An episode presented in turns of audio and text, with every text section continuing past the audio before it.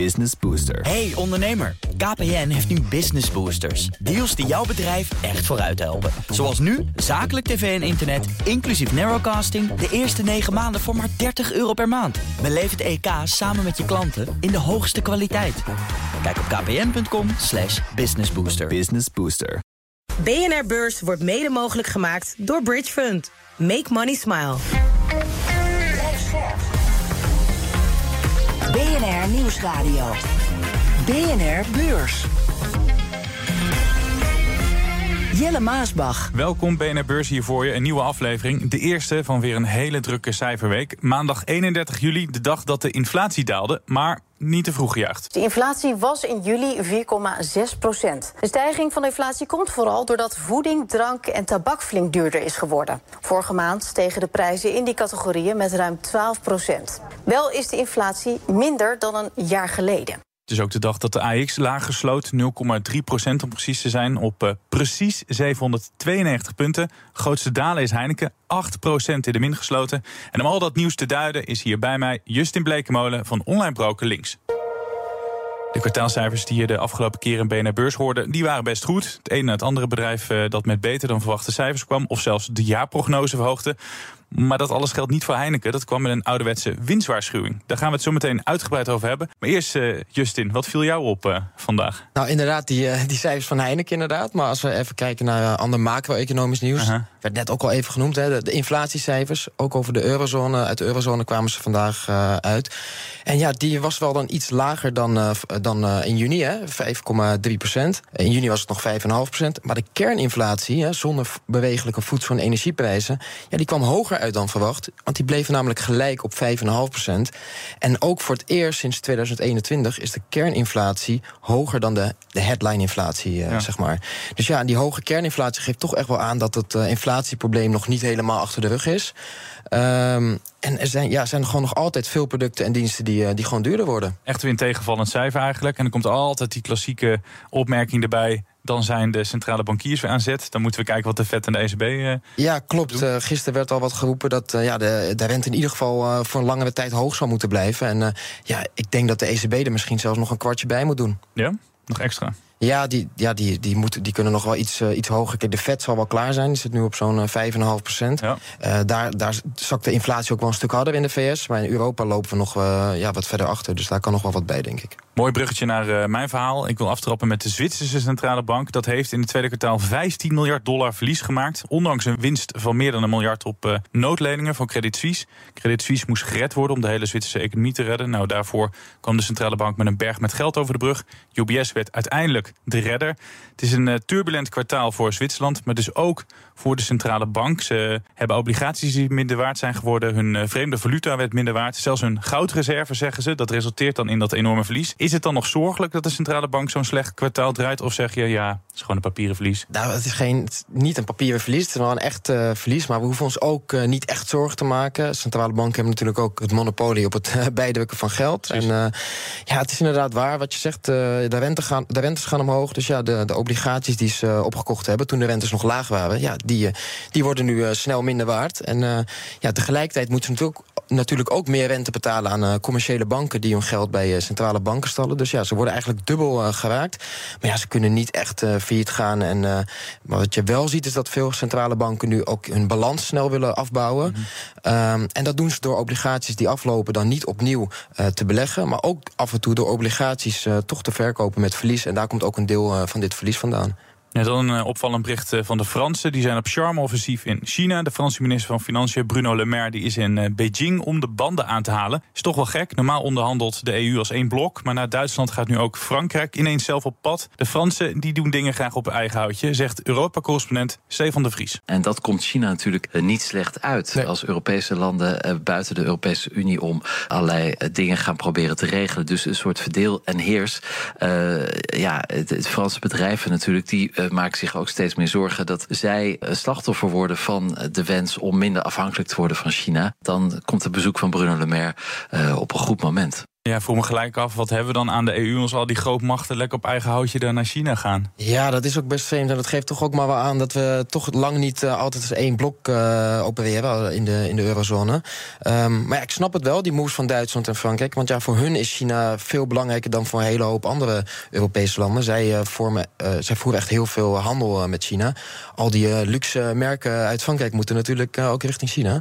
dus, maar ja, ik ja, eh, ja, dat is wel vreemd dat we dat niet als uh, geheel doen. Aan de andere kant kan je zeggen, nou, de verstandhouding met China, die moet weer goed worden. Het is misschien ook wel fijn dat dat nu gebeurt. Hoe kijk je daar als belegger naar? Ja, ik denk dat dit politiek, uh, politiek gedoe is eigenlijk dat je, dat je als belegger niet heel veel uh, zorgen over hoeft te maken eigenlijk. Dan naar een heel bijzonder aandeel. De koers van een bedrijf dat door het dak gaat. Het is geen hip start-up, het is geen AI-bedrijf. Het is een gouden ouwe.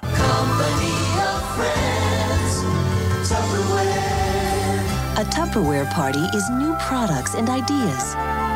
But it's also friends. Is uit de tijd van onze ouders, misschien wel opa en oma. Hè? Ja, volgens mij waren we die heel druk in de weer met die bakjes. ja, die, die, plastic bakjes voor de luisteraars die ze niet kennen. Dat aandeel dat stijgt al dagen onverklaarbaar en is nu al deze maand meer dan 300% gestegen. Het handelsvolume is zeven keer zo hoog als normaal. En dat kan als een bedrijf met groot nieuws komt, goede cijfers of dat ze overgenomen worden. Maar dat is hier niet het geval. Integendeel, ze kwamen een paar maanden geleden met de mededeling dat ze het heel zwaar hadden, dat ze een verkoop eh, overwogen en dat er onregelmatigheden zijn ontdekt. Jij eh, je bent er niet bij betrokken maar wat denk je als je dit zo allemaal ziet? Klinkt in ieder geval allemaal niet best. Het, uh, het aandeel staat ook, uh, is van 99% ook gedaald, volgens mij vanaf de top in 2013. Ja. Toen was het bedrijf nog zo'n 5 miljard uh, dollar waard. ja, sindsdien is het eigenlijk alleen maar bergafwaarts gegaan met zowel de omzet als de winst. En ze hebben inderdaad een hele grote schuldenlast. En begin juli werd wel bekend dat BlackRock eigenlijk als investeringspartner wilde optreden om Tupperware te helpen om ja, die schuldenlast af te bouwen. Want ze hebben iets van 6 à 700 miljoen dollar schuld. Nou, ze zijn nu hebben ze nog zo'n beurswaarde van 135 uh, eh, miljoen dollar. Dus ja, dat is niet veel. Iets en dat, meer. Ja, dus, en dat was natuurlijk drie weken geleden maar 50 uh, miljoen dollar. Volgens mij las ik ook dat uh, het aandeel was onder de 1 dollar gezakt. En ze waren dus minder waard dan 50 of 100 miljoen dollar. En dat zijn eigenlijk de eisen om ja, genoteerd te staan op de, op de NICE, op de Amerikaanse beurs. Dat hebben ze nu net weten ontkomen, omdat ja, blijkbaar speculanten in het aandeel aan het gokken zijn. Ja, maar er wordt nergens gezegd hoe het komt, hè, waardoor dat gigantisch aan het stijgen is. Het doet me wel een beetje denken aan zo'n meme-aandeel, zo'n zo'n Reddit-leger. Ja, ik denk dat het ook daar wel een beetje mee te maken heeft. Hoor. Want je zag vorige week en de afgelopen twee weken sowieso dat een aantal van die meme-aandelen weer ja, hard omhoog gingen. Bijvoorbeeld AMC en ja. nog een aantal die ook natuurlijk in 2020 al heel hard omhoog gingen. En ook toen deed dit aandeel uh, mee met die meme-gekte. want toen is het aandeel ook in een hele korte tijd van 1 dollar naar volgens mij boven de 30 dollar per aandeel gaan. Dus toen ging het aandeel 30 keer over de kop. Nou, nu is het ook al, hè, wat is het, keer vier in uh, ja. een week tijd. Ja. Het is niet een aandeel dat jouw interesse heeft, denk nou ja, ik zo. Het, het, het is een gokaandeel. Deze week weer een nieuwe rubriek. De grootste beursflops aller tijden. Jussen heeft er een meegenomen. En dat heeft te maken met een frauduleuze topman, shortsellers en een hellingproef.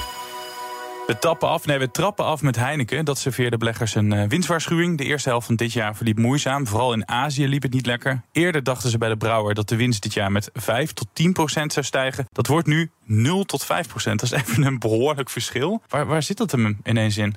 Nou ja, voornamelijk eigenlijk omdat het eerste half jaar zo, uh, zo slecht was. Uh, en daar reageren beleggers ook natuurlijk uh, op vandaag.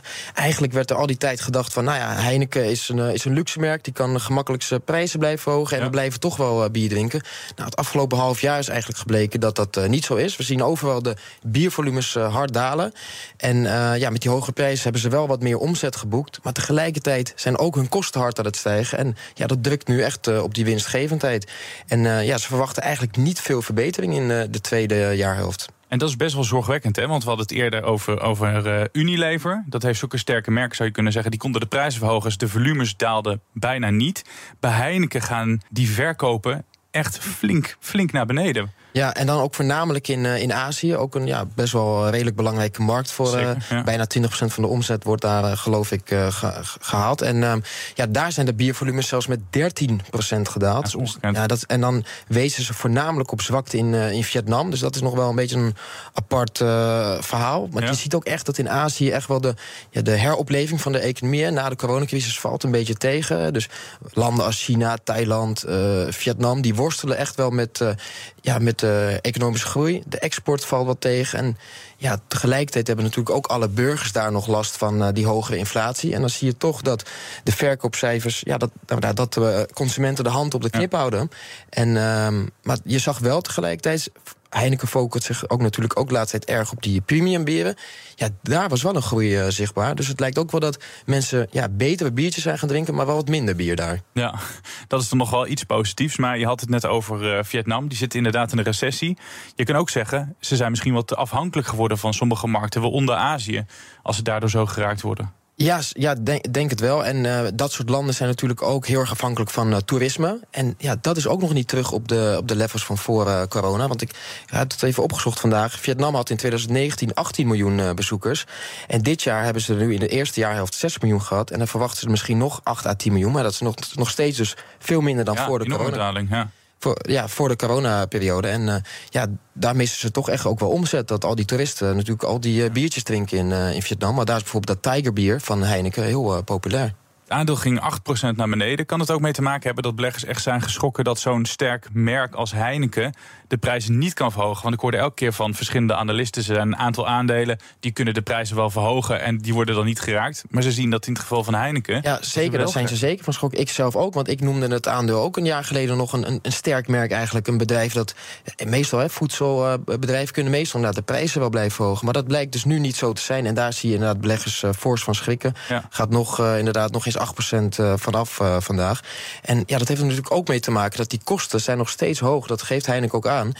Denk aan grondstof als hop, uh, graan en water. Mm -hmm. Maar ook hogere transport- en energiekosten. En ja, ze hebben dat dus ook maar deels doorberekend. En ja, dat, dat kunnen ze niet blijven doen. Dus het is eigenlijk hopen voor Heineken dat die kosten gaan dalen. Maar dan zitten ze echt in een neerwaartse spiraal. Want ja, wat kunnen ze nu doen? Als je de prijzen gaat verlagen, dan zit je ook weer met die kosten. Dus ja, wat kunnen ze eigenlijk? Ja, ze, ze hebben wel aangegeven dat volgens mij in, uh, in Vietnam gaan ze wel volgens mij uh, de prijzen wat verlagen. Om toch wel weer ja, het bier iets aantrekkelijker te maken voor de consument. Ja. Maar over de andere volwassen markten, Europa, Amerika, geven ze eigenlijk aan. Nou ja, wij zijn de eerste geweest in de, in de markt die de prijzen hebben verhoogd. We hebben daar gewoon het voortouw ingenomen. En ja, ze verwachten eigenlijk. ja, ze gaan de prijzen nu niet meer verder verhogen. En dan verwachten ze eigenlijk. Ze hopen eigenlijk dat het in de tweede jaarhelft toch wel weer wat aantrekt. Maar ze, ja, ze blijven wel uh, voorzichtig. Dus duim uh, inderdaad voor de komende maanden. Ze hebben meer dan 200 miljoen euro afgeschreven op die Russische vestiging. Ze proberen het land te verlaten. Wanneer kan dat boek is een keer dicht daar. Ja, ze hebben volgens mij nu nogmaals, uh, ik weet even uit mijn hoofd niet hoeveel, uh, hoeveel miljoen afgeschreven daarop. Het is geloof ik, uh, daarmee is het wel klaar. Maar ze zijn ook nog bezig met een, met een verkoop hè, van, van dat onderdeel. Ja. En daar hebben ze geloof ik wel al een koper voor gevonden. Maar het is eigenlijk wachten op ja, toestemming van de Russische autoriteiten. Maar ja, dat gaat niet zo snel daar, want die zijn druk met andere dingen. Ja, het aandeel staat dit jaar op een bescheiden winst. Nog geen 4 Zit er nog groei in voor het aandeel? Of, of denk je dat dit het wel is? Ja, ze geven wel gewoon een, een stabiel dividend. En um, ja, op lange termijn. Kijk, als die kosten zijn nu wel wat hoger.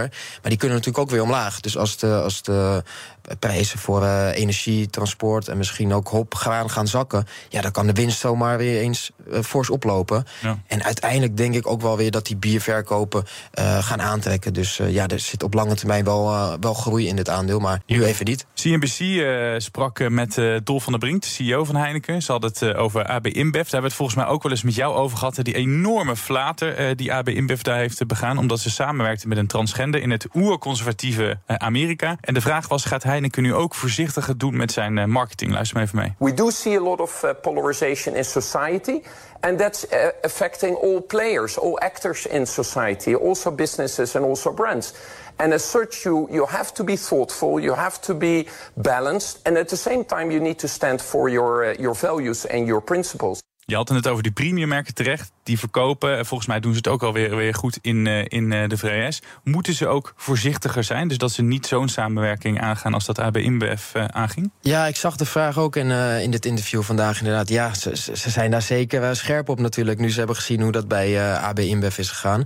Wat mij nog wel opviel is trouwens... die, die, die bierverkopen van AB InBev zijn dus helemaal in, ingestort hè, in de VS. Ja. Maar dat leverde niet veel meer verkopen op... Voor Heineken? voor Heineken Daar profiteren nee. ze helemaal niet van. Nee, dus dus ik vraag me af welk bier ze daar dan uh, zijn gaan drinken. Ja, een uh, Mexicaans biertje volgens mij ook uit mijn hoofd. Maar dan niet uit de, niet uit de koken inderdaad van Heineken. Nee, precies. Ja, maar wat, wat ik wel zag is dat zeg maar, de biervolumes in, in, in Amerika eigenlijk het minst sterk waren gedaald. Dus je zou ook kunnen zeggen, het is daar gewoon het, daar hebben ze het minst slecht gedaan. Omdat toch ook wel een deel van die bierdrinkers is overgestapt op Heineken.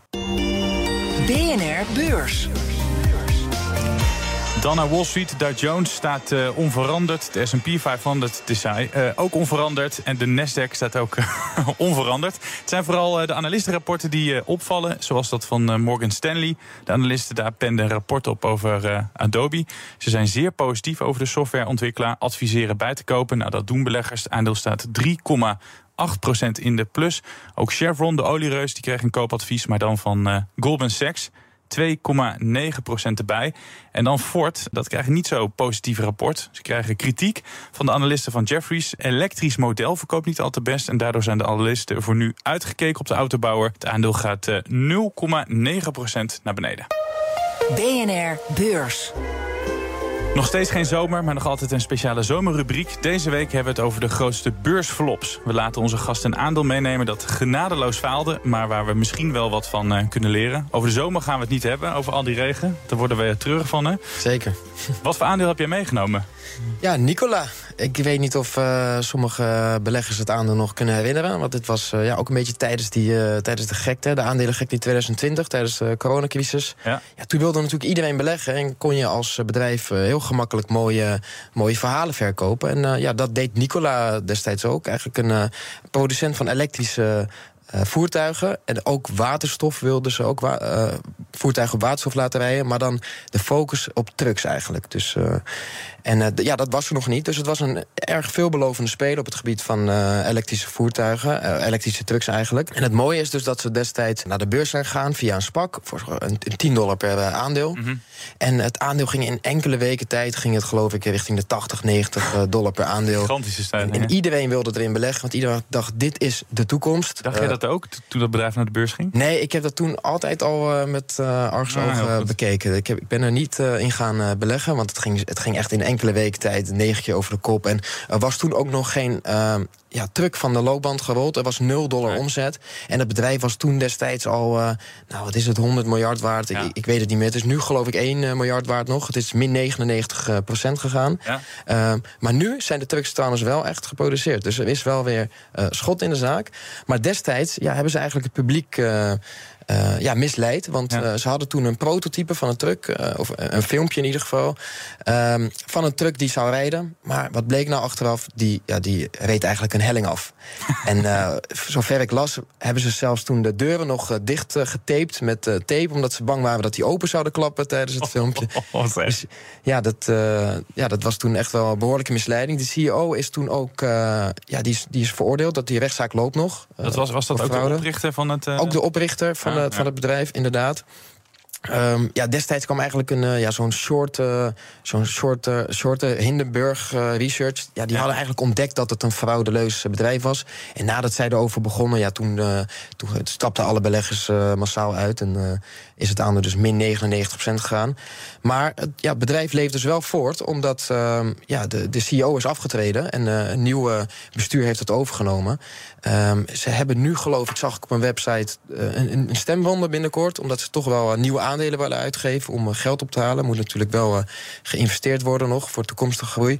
Maar het lastige is dat uh, die CEO, die Trevor, die is nog wel groot aandeelhouder. Dus ja. Die heeft nog steeds je aandelen. Ja, dus ze, ze, ze, zijn ook afhankelijk van hem. Heeft hij een groot pakket dan? Ja, volgens mij heeft hij een groot deel, merendeel in handen nog. Ja. Dat hij dat nog wel heeft gehouden dan? Ja, ik, ik denk dat het je ook... kan iemand zijn aandelen niet uh, makkelijk afpakken. Nee, hij is, hij is uiteindelijk de oprichter eh, van het bedrijf. Dus, maar er zijn wel al boetes uh, uitgedeeld toen uh, destijds door de SEC... van meer dan 100 miljoen dollar en dergelijke. Maar je zegt net terecht, het is een aandeel. Dat beloofde Gouden Bergen. Uiteindelijk 99% naar beneden gegaan, gedaald. Dan moeten ze op een gegeven moment een nieuw bestuur aanstellen... en dan gaan ze dus gewoon weer verder. Maar ja, hoe ga je beleggers dan weer overtuigen? Lukt dat zo'n beetje? Ja, dat uh, is dus heel lastig. Je ziet dat het aandeel eigenlijk, ook nadat uh, dat uh, nieuwe bestuur was aangesteld, bleef het aandeel dalen. Inderdaad, omdat ja, toch weinig mensen vertrouwen ja? in het bedrijf hadden. En omdat dus die oud-CEO nog al die aandelen hadden. Uh, aandelen had. Maar ja, je ziet nu wel dat het iets is opgeveerd. Maar ja, het, het is heel speculatief. Uh, ze hebben wel vorig jaar 50 miljoen dollar omzet behaald. Er zijn ook echt wel trucks nu. Maar ja, het gaat natuurlijk erg traag. En het is dan staat het nog steeds 30 keer de omzet of zo. Dus dan is, bij wij, ja, dan is Tesla eigenlijk goedkoper dan, dan dit aandeel. Maar ze komen echt nu wel met uh, trucks op waterstof en dat soort. Uh, Volgens mij de trucks op, uh, op, elekt op elektrische, op batterijen, die ja. is er wel. van waterstof weet ik niet zeker. Ik denk dat ze daar nog meer moeten investeren. Die aandeelhoudersvergadering wordt dan ook wel een aparte situatie als die voormalige CEO daar als grote aandeelhouder zit. Ja, het gaat, zijn opvolgers. gaat spannend worden en het zou ook zomaar kunnen. Kijk, het, hij is nu volgens mij op borgtocht, borgtocht vrij. En het, ja, het zou zomaar kunnen dat hij ook veroordeeld wordt voor een gevangenisstraf natuurlijk. Want ja, dit soort fraudeleuze praktijken nemen ze in de VS uh, ja, altijd heel serieus. Dus, uh, Wordt sowieso een goede Netflix-serie dit, denk ik. Dat, dat uh, zou ook nog zomaar kunnen, ja. Denk jij dat het aandeel er weer uiteindelijk uh, bovenop gaat komen? Nou ja, de, de verwachtingen van analisten is wel dat de omzet dit jaar ook fors omhoog gaat. Hè. 50 miljoen dollar dus afgelopen jaar. En de verwachting van analisten is dat het ja, keer 3 gaat, richting de 145 miljoen dollar. Nou, als dat echt lukt en die, die trucks gaan lopen, ja, dan kan het zomaar zijn dat het aandeel wel weer wat tractie krijgt. En zeker ook omdat voor trucks is eigenlijk waterstof waterstof de oplossing. Omdat mm batterijen, elektrische batterijen, die hebben eigenlijk te weinig power om, om zulke zware voertuigen uh, voor te bewegen. Dus uh, eigenlijk is elektrisch rijden voor normale auto's echt top. Maar voor trucks ja, zou eigenlijk waterstof beter zijn. Dus ja, als, het dat, als het dat lukt, dan is dat toch echt wel een gat in de markt. Nicola, mooie beursflop die ja, misschien geen flop hoeft te worden in de toekomst. Ja, de beleggers van het eerste uur, voor die is het wel een flop. Maar ja, wellicht voor de, de gokkers van nu niet. Dit was hem dan, de eerste van de week. Kijk wat de dinsdag gaat brengen. Die vooruitblik die komt van mijn collega Danielle Kastemans. Weer heel veel kwartaalcijfers. Maar daar kom ik zo op. Eerst Chinese exportbeperkingen op belangrijke metalen voor de chipindustrie. Die worden deze dag opgelegd. En dat is een nieuwe stap in de exportbeperkingshoop van China. Want laatst kreeg ASML er ook mee te maken. De vraag is wat deze nieuwe maatregelen betekenen voor ASML. Oké, dan de cijfers. Pakketjesbezorger DHL opent de boeken. In de eerste drie maanden van het jaar was er sprake van minder omzet en winst... door de economische vertraging en de afgenomen zee- en luchtvaart. Beleggers kunnen nu zien of DHL beter is gaan presteren. Dan ook Uber. Dat kan zich revancheren. Vorig kwartaal leed Uber nog altijd een verlies van 157 miljoen dollar. Maar dat is nog slechts een fractie van het verlies van bijna 6 miljard dollar... in het eerste kwartaal van 2022 zal Uber erin slagen dit kwartaal voor het eerst zwarte cijfers te schrijven. En dan, en dan hebben we het echt gehad, komen er nog resultaten van HSBC, Ordina, Uniper, BP en Pfizer. Nog even kort, eh, Justin, naar welke cijfers uh, deze week kijk je uit? Ja, ik kijk altijd heel graag naar de tech-aandelen. Dus uh, ook zeker naar Uber, zoals die net werd genoemd. Is ja. ook in de afgelopen periode heel hard opgelopen. Maar ik kijk ook zeker naar de big tech-bedrijven. Apple en Amazon uh, komen langs. Dus uh, ja, Apple gaat heel spannend worden. Want ook dat staat weer op een all-time high. Ja, ga ik nog een hele persoonlijke vraag stellen. Als jij op het strand loopt, heb je dan sandalen van Birkenstock aan? Niet meer, 15 jaar geleden wel. Ze gaan naar de beurs, zie ik net binnenkomen. Ik heb het ook zien uh, binnenkomen. Uh, dus uh, ja, binnenkort wel een artikel over schrijven. Mooi. donderdag komt er ook Nintendo met de cijfers. Maar beleggers en gameliefhebbers die kijken naar iets heel anders. Vertelt tech-collega Joe van Burik. Want de grote vraag is: komt er nu eindelijk eens een opvolger voor hun cash cow, de Nintendo Switch? Gamesite Video Game Chronicles heeft nu wat bericht van anonieme bronnen. van makers van games. dat de nieuwe Nintendo in de tweede helft van 2024 moet verschijnen. Ja. Mag ook wel, want de huidige Switch is nu al ruim zes jaar op de markt. Dat is echt stokoud naar spelcomputerbegrippen. 125 miljoen stuks zijn er verkocht van Switch. Pakken met geld mee verdiend, maar uh, het is nu dus tijd uh, voor een opvolger. Oké, okay, zijn we echt aan het einde gekomen? Justin Blekenmolen van Online Broker Links. Goed dat je er was. Ja, geen probleem. Succes met alle cijfers uh, verwerken deze week. Dankjewel, gaat goed komen. En jij, bedankt voor het luisteren. Heb je vragen, stuur die dan vooral op naar bnrbeurs.bnr.nl. En dan zeg ik tot morgen. BNR Beurs wordt mede mogelijk gemaakt door Bridge Fund. Make money smile. Business Booster. Hey ondernemer, KPN heeft nu Business Boosters. Deals die jouw bedrijf echt vooruit helpen. Zoals nu, zakelijk tv en internet, inclusief narrowcasting... de eerste 9 maanden voor maar 30 euro per maand. Beleef het EK samen met je klanten in de hoogste kwaliteit. Kijk op kpn.com businessbooster. Business Booster.